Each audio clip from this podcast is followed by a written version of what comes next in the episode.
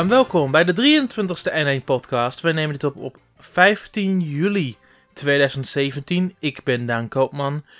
En ehm, de normale mensen zijn allemaal weg. Ze zijn allemaal op vakantie of ze hebben andere dingen te doen. Gelukkig heb ik een eh, speciale gast bij me die ook voor de eerste keer te horen is op de podcast. Wat ook wel leuk is trouwens. En dat is Bas. Goedemiddag Daan. Goedemiddag. Wij zijn momenteel de enige twee mensen van de hele N1 crew die online zijn. Ja, het is eh, ja, vakantieperiode. Hè? Dat, eh dat hoort erbij. Ja, het, het valt ook wel te merken met het nieuws. Er was ook niet zo heel veel nieuws deze week. Ehm, maar, maar daar komen we zo op. We hebben hooguit twee leuke berichtjes en daar houdt het een klein beetje op. Eh, en dan hebben we nog één grote onderwerp waar we over gaan praten. Wat een beetje afgeleid is van waar we het vorige week over hebben gehad. Maar het is wel belangrijk om erover te hebben. Ehm, dus om te beginnen. Ik denk dat we meteen met het onderwerp gaan openen eigenlijk. En dat is. ehm, ik heb Splatoon 2 heel wat gespeeld. Ik mag Ja. helaas nog niet spreken over de multiplayer. Dat mag ik pas volgende week. Ehm, als we tijd dat we het opnemen. Je hoort het waarschijnlijk dan een dag later. Zie je het op de website wel verschijnen of zo.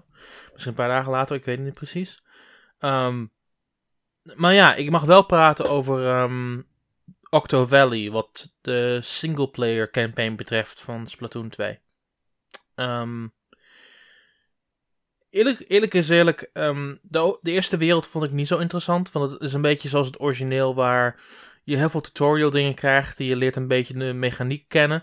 Maar zodra je de tweede wereld en derde wereld opstart, dan wordt je gelijk duidelijk hoe anders de singleplayer is dit keer. Want ze hebben de missies meer diverser gemaakt.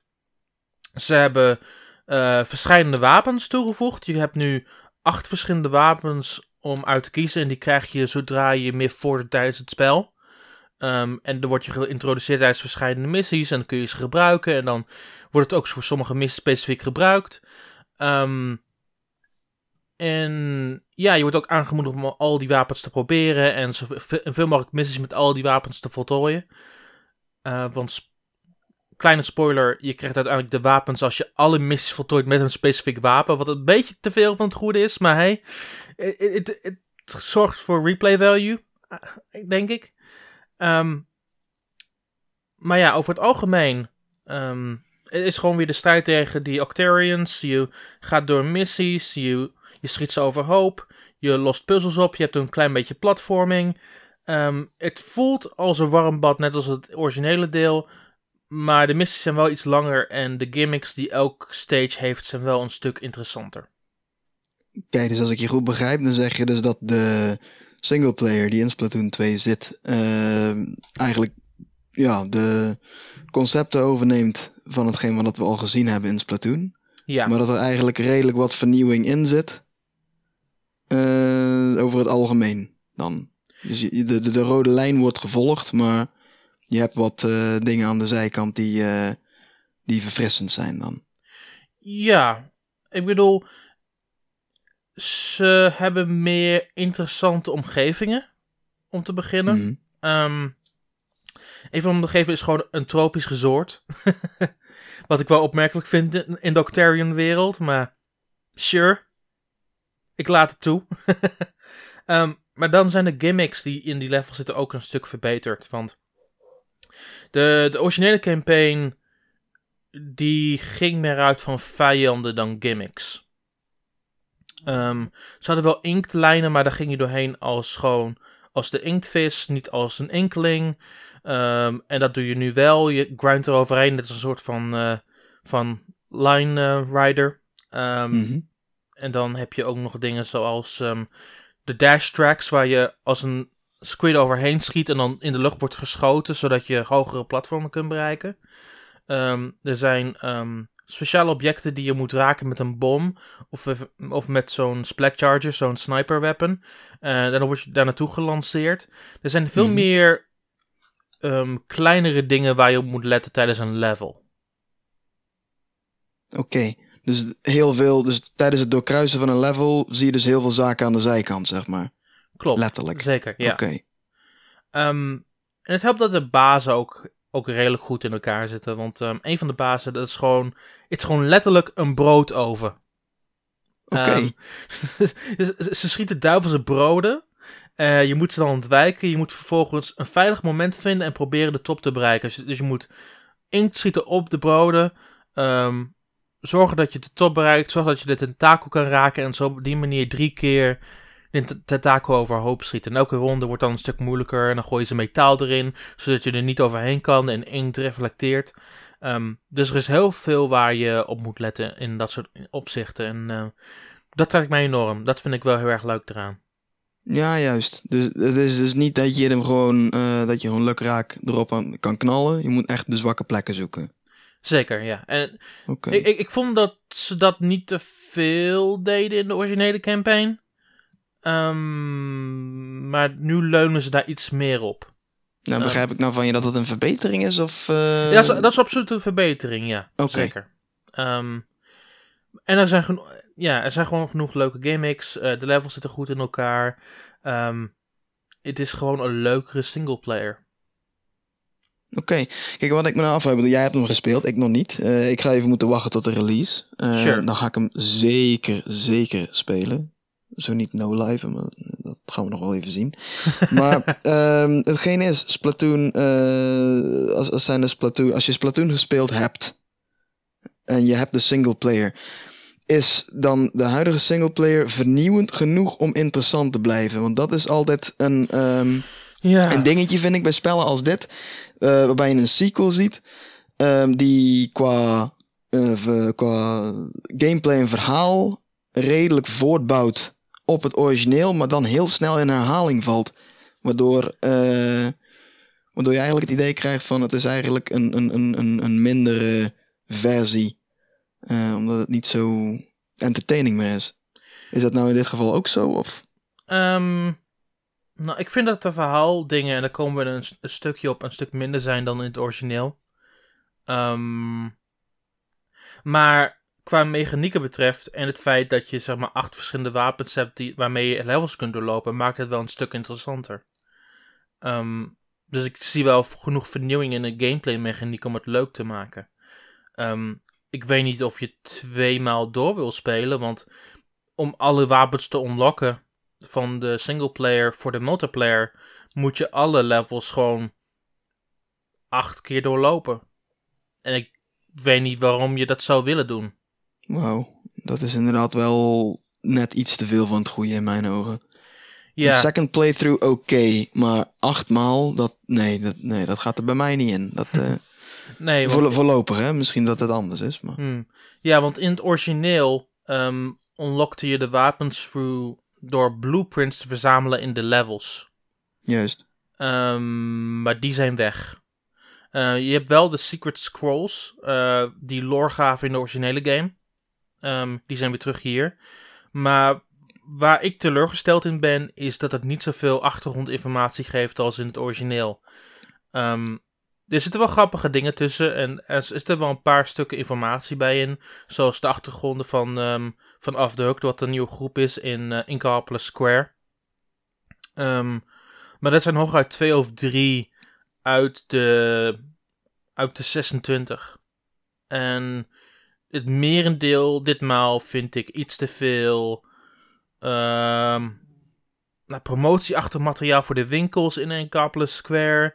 Um, iets te veel dingen die een beetje te obvious zijn. Um, dus eh, hoewel ik ze allemaal heb verzameld en geen spijt heb dat ik dat heb gedaan, vind ik dat de lore die er ditmaal in zit niet zo sterk is als in de originele game. Juist. Um, dat is dan wel weer een beetje spijtig misschien, maar ja, de beloning voor het vinden van die scrolls is een heel, voelt een heel stuk minder.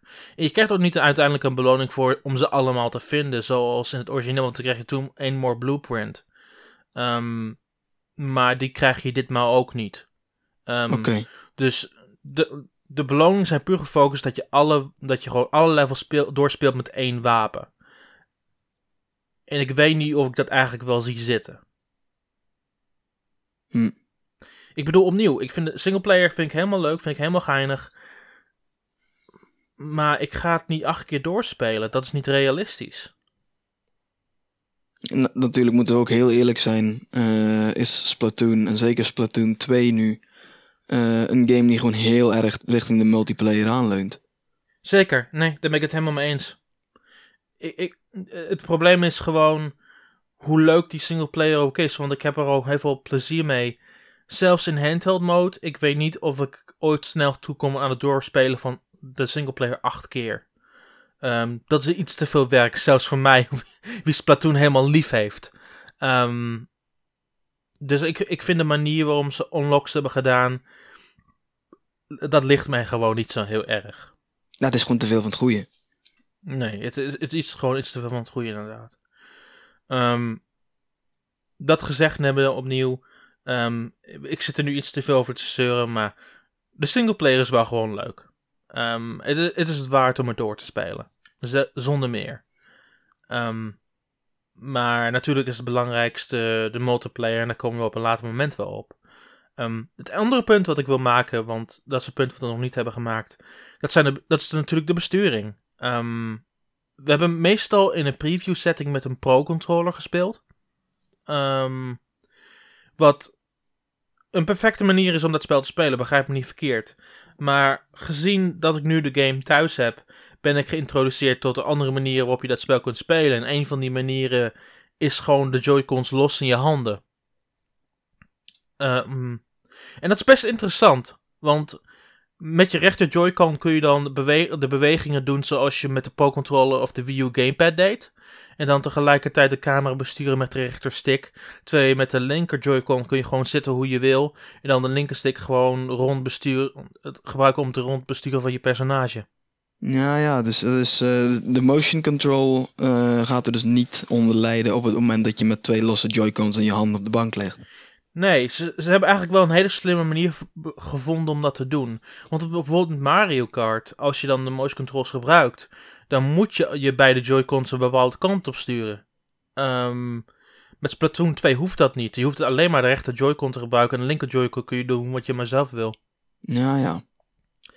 Ehm, dus ik vind dat ze daar wel een, eh, een slimme oplossing voor hebben gevonden.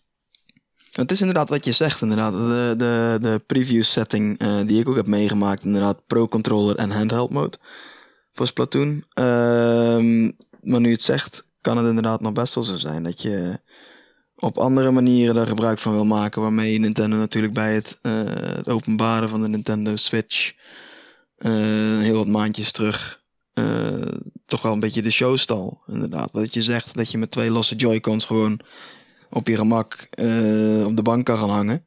Ja, En op die manier kan spelen. Dat is natuurlijk niet iets wat je in een preview setting kunt laten zien. En dat moet allemaal redelijk snel eh, doorlopen worden. Omdat je natuurlijk heel veel te zien hebt. mhm. Maar ik snap inderdaad jouw punt dat het inderdaad wel fijn kan zijn om ook andere manieren van besturen te hebben. Dat, eh, oké. en moet ook, gaaf om te horen. Ja, moet ook begrijpen dat niet iedereen nog een Pro-controller heeft. Ehm, ik ken een goed stel mensen die gewoon geen Pro-controller hebben gekocht. Dus die zullen waarschijnlijk veroordeeld zijn tot het gebruiken van de Joy-Con grip. eh, Mhm. Wat ook helemaal prima is. Ehm, maar ik denk dat. ehm, like, losse Joy-Cons is een hele interessante optie. Ehm, je moet wel, naar mijn idee,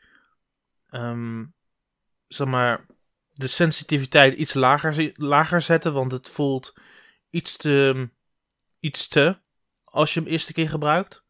Mhm. Ehm, maar over het algemeen, ja, is het gewoon. Ze hebben gewoon heel goed nagedacht wat het beste werkt voor elke controloptie. En ik, en ik respecteer dat enorm.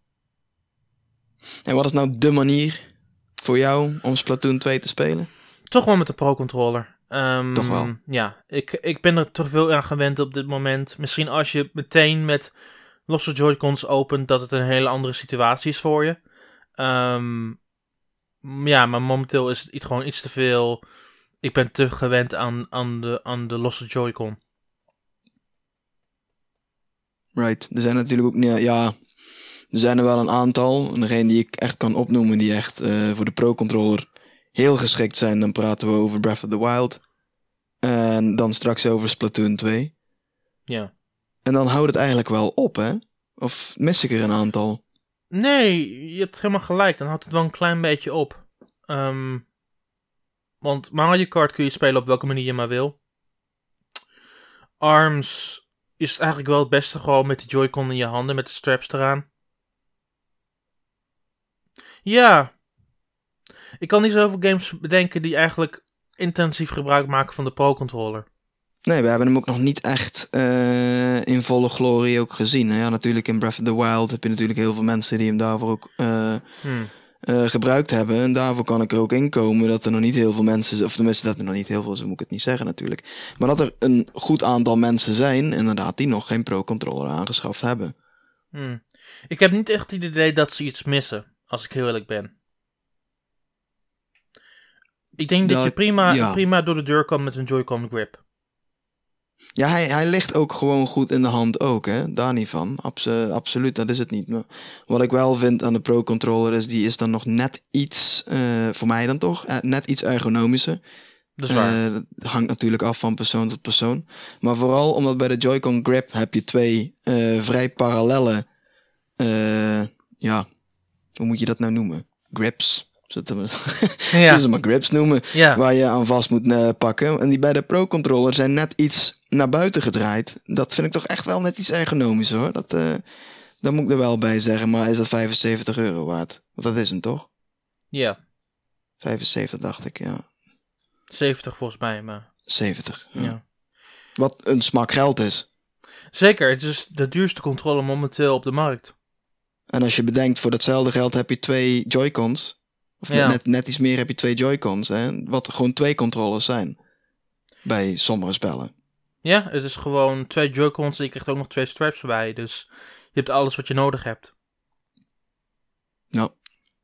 Maar Splatoon 2, sowieso die Pro-controller. Ja, het is, het is zeker wel waard om een Pro-controller te hebben. Het is niet het einde van de wereld als je er niet eentje hebt. Laat ik het zo zeggen. Kijk, um, nou. Ik bedoel, er zijn nog steeds goede opties om dat spel te kunnen spelen. Maar de beste is gewoon met de Pro Controller. Dan is met deze het advies eruit. Zeker. Um, ja, ik denk dat dat het eigenlijk wel is voor de Splatoon 2 singleplayer. Behalve als je misschien bepaalde vragen hebt. Ik eigenlijk nog niet, nee. Ik kan eigenlijk enkel vragen bedenken die het verhaal misschien enigszins in, uh, in gevaar zouden brengen voor mensen die het liefst geen spoilers hebben. Ehm, ik denk dat het vooral gewoon ondergaan gaat zijn. Hetgeen waar ik het meest naar zit te kijken natuurlijk is de, de multiplayer. Helaas mogen we daar uh, nog even niet over spreken. Gaat het iets zijn voor, uh, voor volgende week. Ja. Maar um, nee, voor mij is uh, het Splatoon 2 Hero Mode verhaal is, is helder. Dat is helemaal mooi. Dan gaan we door. Dat gaat snel alweer. Um, het tweede verhaal waar we het over gaan hebben is dat de nieuwe Nintendo 3DS, de kleine originele, uh, wordt stopgezet in Japan in Europa. Want Amerika heeft hem officieel niet gehad, kreeg dan alleen maar een paar bundels. Um, dus wij zijn de enige twee regio's die ze officieel hadden. Um, Nou, ik ben niet helemaal verbaasd dat het apparaat is stopgezet. Um, gezien toen ik die presentatie had bij Nintendo, noemden ze de nieuwe 3DS noemden ze al niet meer. Het was de 2DS, de nieuwe 2DS XL en de nieuwe 3DS XL. Dat was hoe ze de 3DS-familie nu gaan positioneren. Ehm, dus ik had al heel snel het idee dat, dat de nieuwe Nintendo 3DS ging verdwijnen. Vooral gezien dat de coverplates al heel snel in de uitverkoop zijn gegaan. Um, die, die console nog specifiek alleen nog maar bij, uh, bij Intertoys verkocht. Er liggen maar een paar, een paar overal. Ehm, dus ik, ik, zag de bui wel al een klein beetje hangen met de, aan, met de, met de aankomst van de nieuwe 2DS XL. Maar het voelt wel interessant om dat bevestigd te hebben zo kort voor de release.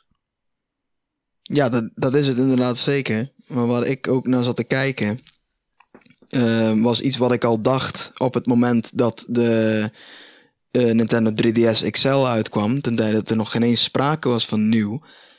Uh, vroeg ik mij al af, waarom is Nintendo niet gewoon al direct begonnen met de XL-lijn als zijnde de Nintendo 3DS?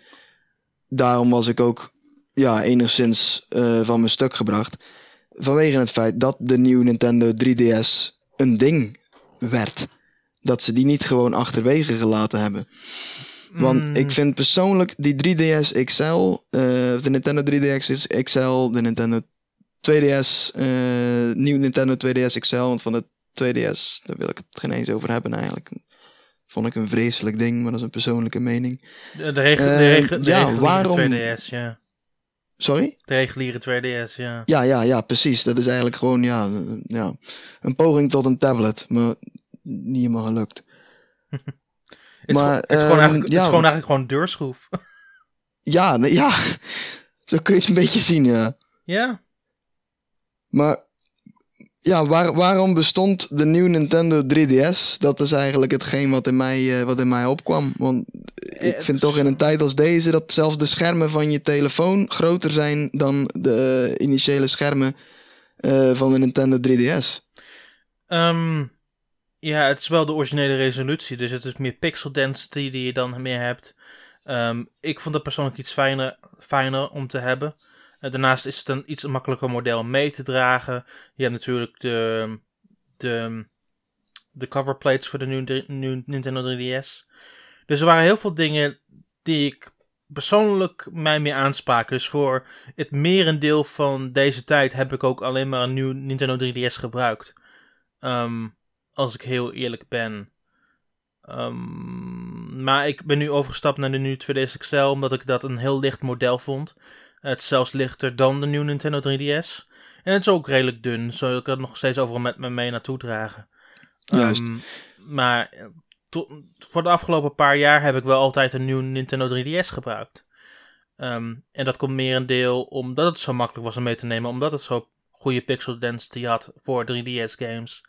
Omdat het alles Mhm. had wat ik wilde. Dus eigenlijk, ja, ik, snap je punt ook wel heel enorm. Ik snap ook wel waarom Nintendo het stopzet, want het merendeel wat momenteel in Japan, Amerika en Europa verkocht wordt, zijn 2DS en nieuw 3DS XL's. Ehm, maar dat betekent niet dat ik geen lol heb gehad aan het kleinere model. Nee, natuurlijk, tuurlijk, dat, dat is ook zo. Kijk, voor mij persoonlijk was het gewoon eh, iets waarvan ik dacht van oké, er zijn nu eh, grotere versies beschikbaar. En die zijn eh, behoorlijk eh, van de Nintendo 3DS XL, waren die ook redelijk goed aangeslagen ook. Dan zou het voor mij een logische stap zijn geweest om te zeggen van we gaan enkel nog met de XL-versies gaan we verder. Ja, Het is natuurlijk ook zo, je ziet dan in Amerika is die officieel niet uitgebracht behalve in bundles, zoals je er net al zei. ja. En ik denk dat dat toch wel iets wil zeggen. Omdat ze dan misschien, ja. Ze zeggen het ook, USA, eh, bigger is better. Maar ik weet niet of het daar dan iets mee te maken heeft. Daar durf ik ook absoluut niet over te speculeren. Maar eh, je, je ziet wel een bepaalde eh, keuze die daarin gemaakt is. Want waarom alle regio's, behalve die regio, wel de nieuwe Nintendo 3D, eh, 3DS geven? Ja.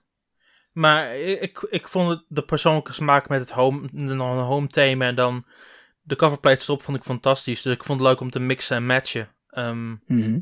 dus mij sprak dat enorm aan. Maar opnieuw, ik snap het enorm waarom ze het stop hebben gezet. Ja, zeker.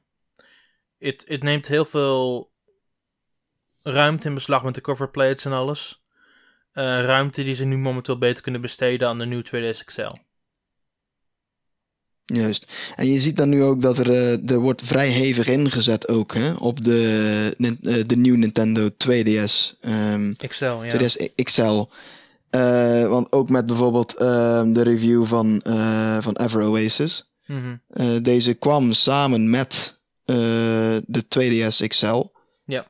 Werd voor zover ik weet ook ehm, in één noemer bij elkaar genomen in de... eh, nee, dat is niet waar trouwens. Die stond niet samen in de NDA. Nee, ze hadden, Maar- apart, ze hadden aparte NDA's en alles. Ja. Maar eh, ze werden wel samengenoemd in, zeg maar, als een pakket van... Hier, ga dit proberen. Ja, precies. Kijk, daar zie je dan ook weer. ehm, want ik heb dan eh, Ever Oasis gespeeld op de. dat, was, dat was de, de Nintendo 3DS XL. Ik heb nog geen nieuw Nintendo systeem. Ja, Dat komt er waarschijnlijk nog wel. Ehm, en daarbij merkte ik een, ge- dat is, heb ik later ook gecorrigeerd, ik merkte een dramatisch verschil in eh, de prestaties eh, van de Nintendo 3DS Hm. eh, XL. Vervelend die namen trouwens. Ja. Ehm, op het moment dat je dit, eh, dat spel gewoon aan het spelen was. Maar zeker op het moment dat je je 3D-effecten aan gaat zetten. Nou is dat ook niet echt een heel erg noemenswaardige toevoeging geweest in dat spel. Ehm, nou zie ik ook de trend bij mezelf. eh, dat ik heel vaak speel in de standaard 2DS. Ja. En dat ik eigenlijk het 3D-beeld bijna nooit meer aanzet. Hm. Dus de overgang naar een, bijvoorbeeld een nieuw Nintendo 2DS XL is momenteel voor mij een ehm, veel interessantere keus dan naar bijvoorbeeld een nieuw Nintendo 3DS XL. Ehm, ook volgens mij, en dan ga ik weer eh, op een aanname af, een nieuw Nintendo 2DS XL, is die nou wel of niet goedkoper dan een nieuw Nintendo 3DS XL? Eh, ja, dat is die inderdaad. Daar moet je nagaan. Dus dan zou ik bijvoorbeeld betalen voor een, eh, een optie die er dan op zit die ik bijna nooit zou gebruiken. Nou, de reden dat, eh, Mhm. de- wat je nu ziet inderdaad, de nieuwe Nintendo 2DS XL, het neemt, het, het, eh, eh, het, het neemt zijn plaats in de lijn van de nieuwe Nintendo systemen. En ja, dan is er dan duidelijk voor de nieuwe Nintendo 3DS zelf dan toch geen plaats meer. Ja, het, het is... eh, Dit is, dit is zo, ja. Ja. Ehm, en nu is, is het gewoon, want, de me want, in, want nu is het zo dat rond de 70% van, van 3DS'en verkocht in Europa zijn 2DS'en. mhm. Dus het is logisch om daar een soort van vervolg op te maken wat beter is. Een soort als een opstap voor me- meestal ook misschien die jongere mensen misschien. Ja. Ehm, maar eh, voor gamers die nog later op een gegeven moment nog een 3DS op willen pakken, dan is het nog logisch om die 3DS XL erin te houden. Want die willen gewoon echt een premium model. Ehm, ja, Maar ik vind de nieuwe 2DS, nu 2DS XL vind ik gewoon een mooie tussenweg tussen beide.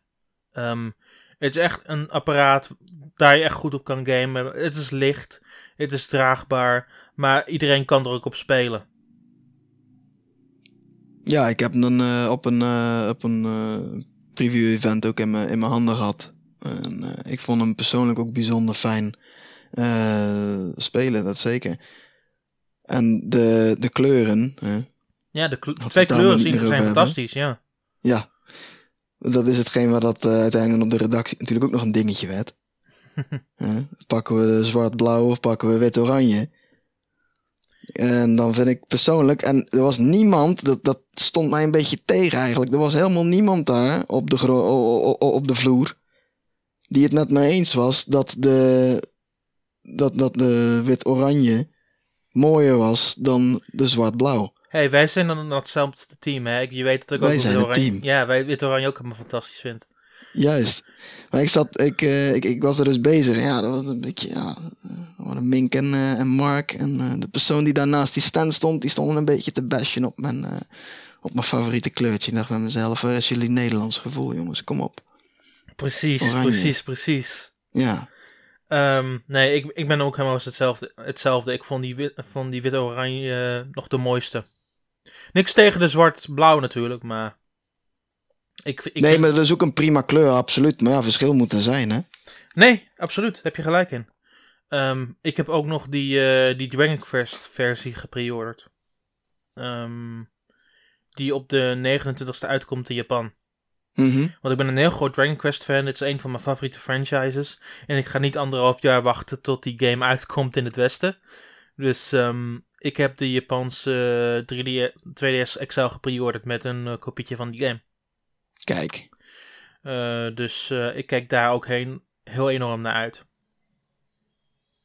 Ja, ja dat, dat, dat snap ik. En dan eh, zullen we zeggen: RIP, eh, nieuw Nintendo 3DS.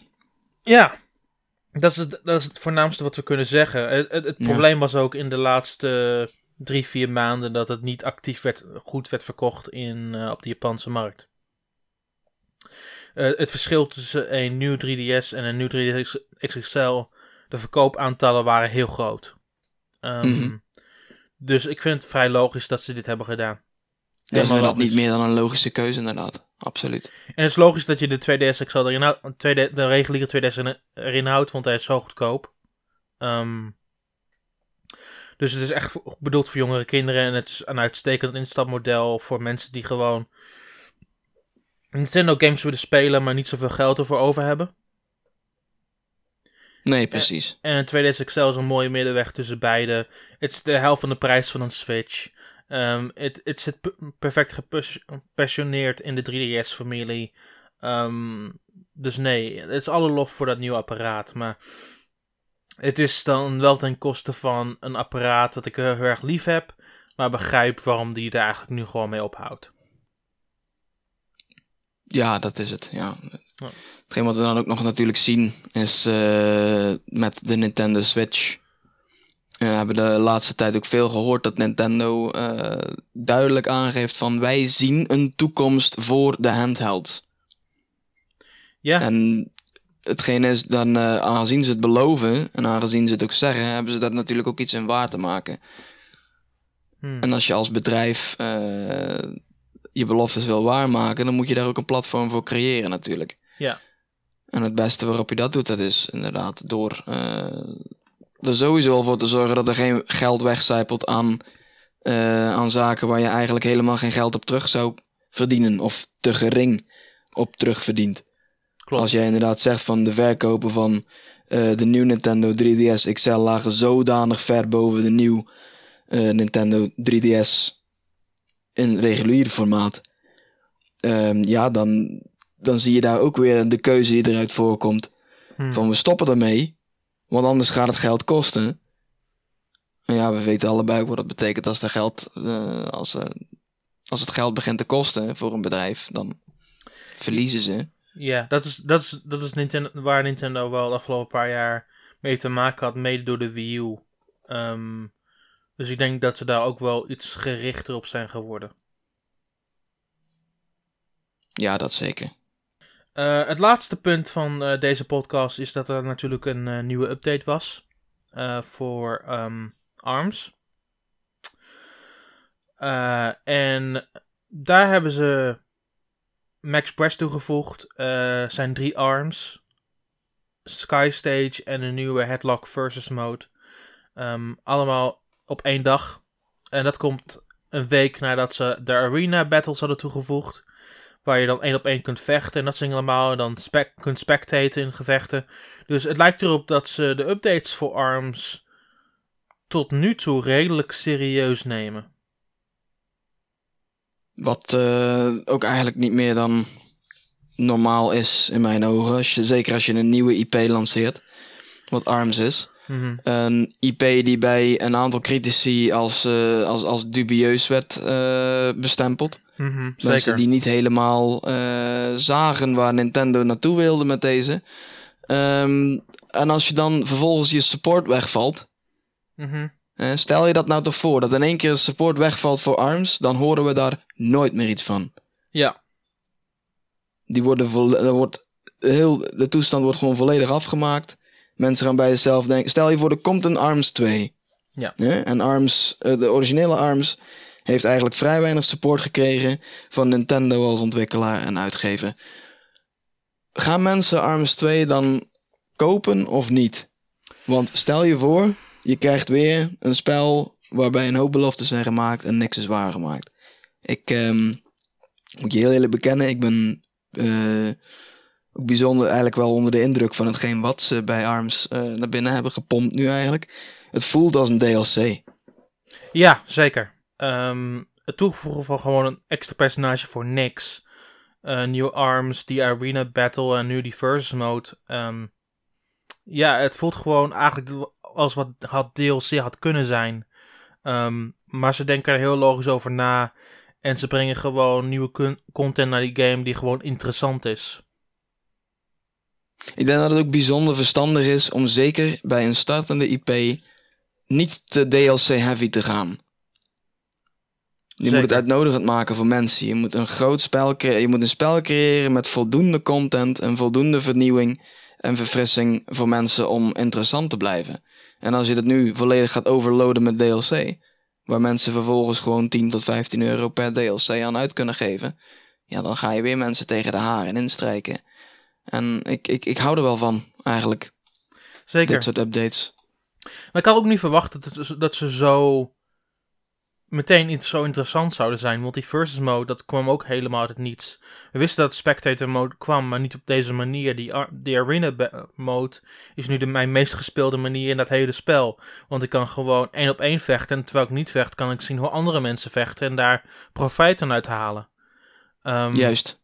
Dus dat vind ik heel erg bijzonder en goed gedaan. En dat nieuwe personage, Max Press, is ook heel erg interessant. En het is een, het is, het is een niet zwaarder personage, zo- een beetje zoals Master Mummy en Mechanica.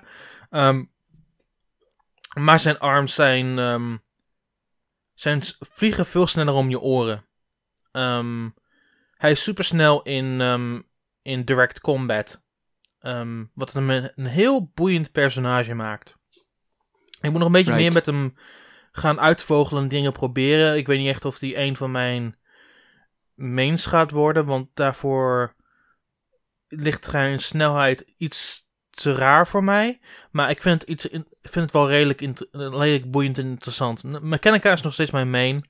Ehm, daar heb ik de meeste controle over gezien hoe je arms beweegt en hoe je bepaalde shots doet en dat soort dingen. Ehm, Ook de manier waarop je het toernooi hebt gewonnen toen tijdens de preview happening. Zeker, ja. Ehm, daar hebben we het ook niet zo heel veel over gehad toen, de, toen destijds, toen we over de preview dingen hebben gehad. Maar ja, ik heb dat dus de toernooi gewonnen eh, bij Nintendo. Door gewoon heel rustig ar- arms te spelen. Gewoon heel erg specifiek gericht op, op de tegenstander. Ehm, Ja, dat is inderdaad wel hetgeen wat ik jou inderdaad zag doen. Dat is het als, als een van de weinigen. mhm. Duidelijk kijken naar hetgeen wat er moet gebeuren. En, eh, of naar hetgeen wat er voor je afspeelt. En anticiperen op hetgeen wat eh, je tegenstander doet. En ik denk dat dat zeker met een personage als Mechanica Mhm. eh, bijzonder belangrijk is. Aangezien eh, het, het, het, het is niet het snelste personage. ja, De arms bewegen ook niet het snelst van allemaal. Dus op het moment dat je toeslaat, dan zul je ook goed moeten nadenken over waar ga ik naartoe slaan. ja. En ja, ik, ja, ik moet je heel eerlijk bekennen, ik, ik zou medelijden hebben met mensen die tegenover jou komen te staan. Dat, eh, dat zal ik je wel vertellen. Snellere personages, het maakt niet uit. Want ja, je denkt gewoon goed na. En Vandaar ook dat ik denk van Max Brass, dat zou ook zeker wel interessant kunnen zijn voor jou. Ik weet niet in hoeverre dat je er al mee gespeeld hebt. Ik maar heb omdat een- het ja. inderdaad zowel de kracht als de snelheid combineert met elkaar, dan heb je dus eigenlijk gewoon ehm, ja, hetgeen wat Mechanica zou zijn, maar dan net iets snellere actie, net iets meer. eh, Ik, ik denk dat waar Mechanica en Maxpress verschillen is dat met Mechanica eh, je kunt nog steeds heel snel over de grond bewegen door eigenlijk de jetpacks te abusen. mhm. Ehm, dus als je over de grond beweegt en je gebruikt die jetpacks, dan wordt het eigenlijk net zo snel als een sprint. Van, zoals die van Ninjaro, wat heb je. Ehm, dus dan kun je alsnog ontwijken, snap je? Ehm, met Max Press zit zijn kracht meer in specifiek het aanvallen en niet zoveel het dodgen. Ehm, en ik vind dat boeiend. Dat vind ik heel interessant. Want natuurlijk is ehm, echt specifiek het vechten natuurlijk een van de twee delen die arms boeiend maakt. Maar ik ben ook meer geïnteresseerd in dat tweede deel. Dat is het defenden. En daardoor ligt Mechanica iets meer in mijn straatje. Ehm, ik moet gewoon iets meer experimenteren met Max Press en zien hoe dat gaat.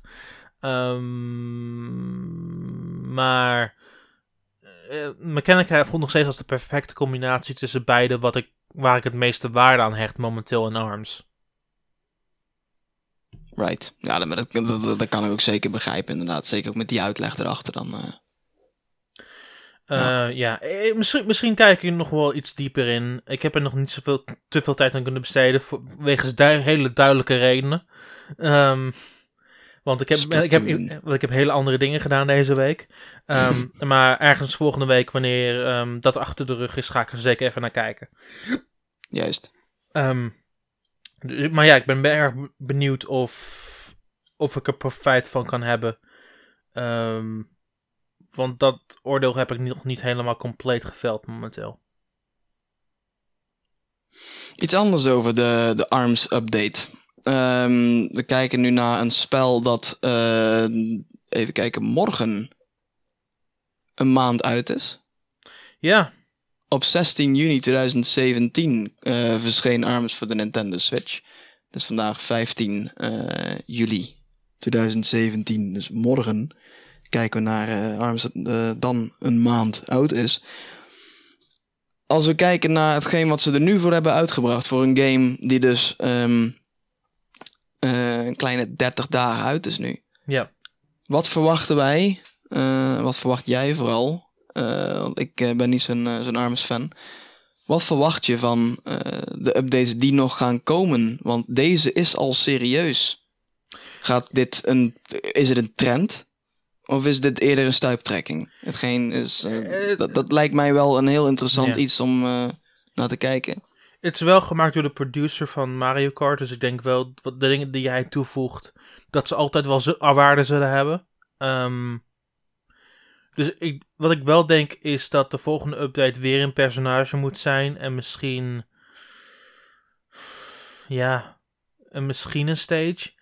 Eh, op zijn minst een personage. Want ze moeten deze trend nog even doorzetten. Zodat er echt een heel groot variabel pad bewandeld wordt. Want begrijp me niet verkeerd. Er zijn heel veel sterke grote personages.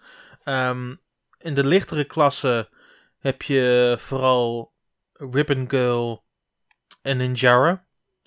Ehm, Mhm. Hoewel Min Min en Twintel en Springman heel erg in de middelklasse beoordeeld kunnen worden, heb ik het idee dat daar iets mist. Een heel, speci- een heel specifiek iets.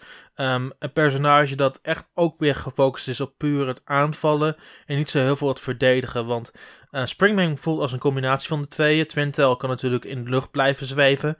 En Min Min heeft natuurlijk ehm, haar benen waar ze mee arms kan reflecteren. Ehm, Juist. Ik zoek echt meer een personage dat puur gefocust op kracht, maar de, de faciliteit heeft van een, van een middelpersonage. Right. Ehm, daar ben ik nog naar op zoek. En ook in de lichte klasse zou misschien ook nog een personage bij kunnen. Want de grote hebben nu ook wel genoeg. Ehm, en daar zoek ik ook nog misschien iets meer variatie in. Eh, dus die twee zouden iets, elkaar iets beter aanvullen nog. Eh, buiten dat om zou het wel fijn zijn als er natuurlijk iets meer arms bij komen. Meer, iets meer originele arms. Om ehm, het palet nog iets groter te laten worden. Ehm, hoeveel ze dan toevoegen precies in een update, dat weet ik niet. Hopelijk misschien iets meer dan een paar. Ehm, maar dat zien we wel wanneer het moment daar is. Zeker. Ehm, dan nog iets wat misschien niet heel erg van toepassing is in de huidige update, maar wat misschien wel iets zou kunnen worden voor nog eh, toekomstige updates of eh, en misschien zelfs nog wel de updates die al geweest zijn. Ehm, we kunnen het erover eens zijn dat elk personage een heel specifieke speelstijl en sterke punten en ook zwakke punten heeft. Ja, Niet waar? ja zeker. Maar stel je voor, hè, want we zien dat bij heel veel games. eh, Behalve, tegenwoordig- behalve één personage, fuck Helix. Dat vind je helemaal niks dus. Nee, ik vind Helix helemaal niks. En hoe komt dat dan? Hij is te moeilijk te besturen. Ik snap geen, ik snap geen hol van hem. Oké. Maar dat is dan dat is het, hetgeen wat ik zeg. Hè? Dat is dan een persoonlijk, eh, een persoonlijk iets van dit personage ligt me wel, ligt me niet. Met deze ben ik beter dan met de ander. Eh, dat is natuurlijk van persoon tot persoon verschillend. En elk personage vereist een, eh, een eigen aanpak, vereist een eigen tactiek, wat eigenlijk aanpak is, maar goed. en heeft ook zijn eigen sterke en zwakke punten. Maar het fenomeen wat we veel zien in, eh, in eh, veel games, en dan voornamelijk de multiplayer games eh, tegenwoordig, Ja, dat zijn de buffs en de nerfs. Hè? Dus je versterkt een bepaald punt of je zwakt een, je zwakt een bepaald punt af. Ja. Nou, is dat bij sommige, laten we bijvoorbeeld een shooter als, als, als voorbeeld nemen. Ehm, waarbij dus een, een, een, bepaald wapen met een paar procent eh, in kracht verminderd wordt. Of met een paar procent in eh, accuracy eh, of eh, effective range. veranderd wordt. Als we nou kijken naar wat zo'n buff-nerf eh, update zou kunnen doen met de personages bij ARMS. In mijn ogen zou het dan zo kunnen zijn. Stel je voor, ze veranderen de jetpacks van Mechanica. Ja. Waardoor je dus een fractie van een seconde langer erover doet om ze te activeren. Ik noem er maar eentje. Oké. Wat heeft dat voor effect op eh, de speelstijl die jij bijvoorbeeld eh, met Mechanica zou hebben? Want in mijn ogen, voor zover dat ik kan beredeneren, zou dat wel een serieuze impact kunnen zijn. Dat zou kunnen, zeker. Ehm, natuurlijk is de jetpack van Mechanica maar één deel van het hele verhaal. Ehm, dus dan moet ik ook kijken hoe het impact heeft op, al zijn op de alle andere moves. En hoe zij dan rond zou bewegen. Natuurlijk denk ik niet dat ze haar jetpack gaan veranderen, want dat is haar sterkste punt. Ehm, maar als dat moment daar zou zijn, denk ik wel dat ik meer over mijn moves na moet denken. Zelfs nog voordat ze überhaupt gemaakt zijn. Ehm, wat niet een perfecte ideale situatie is, natuurlijk. Ehm, ja, het ligt er enorm aan wat ze gaan doen met elk personage. In de update hebben ze wel een paar buffs gedaan en een paar nerfs. Ehm, zoals dat ehm, Ribbon Girl nog verder kon springen dan eigenlijk de intentie was. Waardoor ze daarna ook meteen kon, in de aanval kon treden. Waardoor sommige Ribbon Girl spelers flink OP waren. Dus dat vind ik op zich wel een redelijke verandering. Ehm, Maar En dan zul je vervolgens zien dat het, het, het, het, de Ribbon Girl spelers, mains, die lopen hierover te klagen. mhm. Dat, is, dat, is het stand, dat is de standaard die je ziet terugkomen Ja, eh, bij bijna wat- alle communities. Maar weet je, weet je, Ribbon Girl was mijn submain en ik vond het zelfs een probleem, want, dat, want daardoor kon je makkelijk ontwijken en werd het geen wedstrijd meer. Dus letterlijk gewoon een one, eh, one-man show, of one-girl show. Ja, da daardoor vond ik haar niet zo meer interessant om te spelen. Dus eigenlijk ben ik wel blij met die verandering. En nu ben ik juist meer overtuigd om met haar te gaan spelen. Juist. Ja, dat, dat, dat, zijn, dat zijn de twee werkingen wat het, waar het naartoe kan natuurlijk, hè? Eh, op het moment dat je dat soort updates doorvoert. Nee, zonder meer. Ehm, ze hebben, eh, voornamelijk hebben ze in de laatste update een paar arms veranderd en de impact van sommige arms aangepast. Dus sommige arms die een beetje OP waren, hebben ze minder, een beetje minder gemaakt. Arms die na bestudering te weinig opleverden, hebben ze iets sterker gemaakt, zoals de Guardians van Helix. Juist. Nee, dat, dat, is dus iets wat ik wel heel belangrijk vond om ook nog even te bespreken. Hè? Dat op het moment dat je naar, naar, naar eh, buff nerf updates kijkt, dat het met eh, dat het geleidelijk aangaat. En ik heb, ik heb eh, games gespeeld eh, waarbij ineens een bepaald wapen of een bepaald object totaal nutteloos wordt vanwege, vanwege nerfs of vanwege buffs van iets anders. Ja, En dat heeft zo'n grote impact op de manier waarop jij speelt, dat het eigenlijk heel erg veel frustratie met zich mee gaat brengen. Mhm. En dat is dus wat ik bedoel inderdaad, dat ze daarin geleidelijk eh, die veranderingen moeten doorvoeren, goed moeten testen en dan inderdaad vervolgens die update eruit moeten gooien. Maar het is eh, al met al toch wel een bijzonder interessante update. En ik moet ook zeggen dat het een, ehm, het zet het, ik hoop persoonlijk dat dit de toon zet voor eh, de toekomstige updates die men gaat doorvoeren op ARMS. ja. Hè, zoals ik net ook al zei, we zitten nog geen maand na de release. We hebben nu al deze update. Die het spel gewoon behoorlijk vergroot. Ja. De content die je in het spel hebt neemt enorm toe met, dit, eh, met deze update. Ehm, de mogelijkheden voor een game als, eh, als ARMS. Eh, En dan zou ik eh, bijvoorbeeld willen kijken naar een andere game die we binnenkort op de Nintendo Switch kunnen verwachten. Nou, binnenkort zeg ik wel, dacht dat het aan het einde van het jaar was, maar dan praat ik over Rocket League van Psyonix. Ja. Ehm, dat was, ik weet niet of je Rocket League gespeeld hebt dan. Ja, op de PlayStation 4. Kijk, dan weten we waar we over praten. Rocket League ehm, eh, is, ik, ik vind het nog steeds hartstikke leuk om te spelen. Dat begon gewoon simpelweg voetbal. Ja. Maar gaandeweg, wat komt er nog meer bij? Je kunt gaan, eh, je kunt tegenwoordig kun je basketballen. Mhm. Je kunt eh, een soort van ijshockey spelen en dergelijke. Je hebt experimental modes, je hebt lab modes, noem het allemaal maar op. Hè, die allemaal afwijken van hetgeen wat de core was bij het uitbrengen van het spel. En dat was eigenlijk gewoon voetbal. Mhm.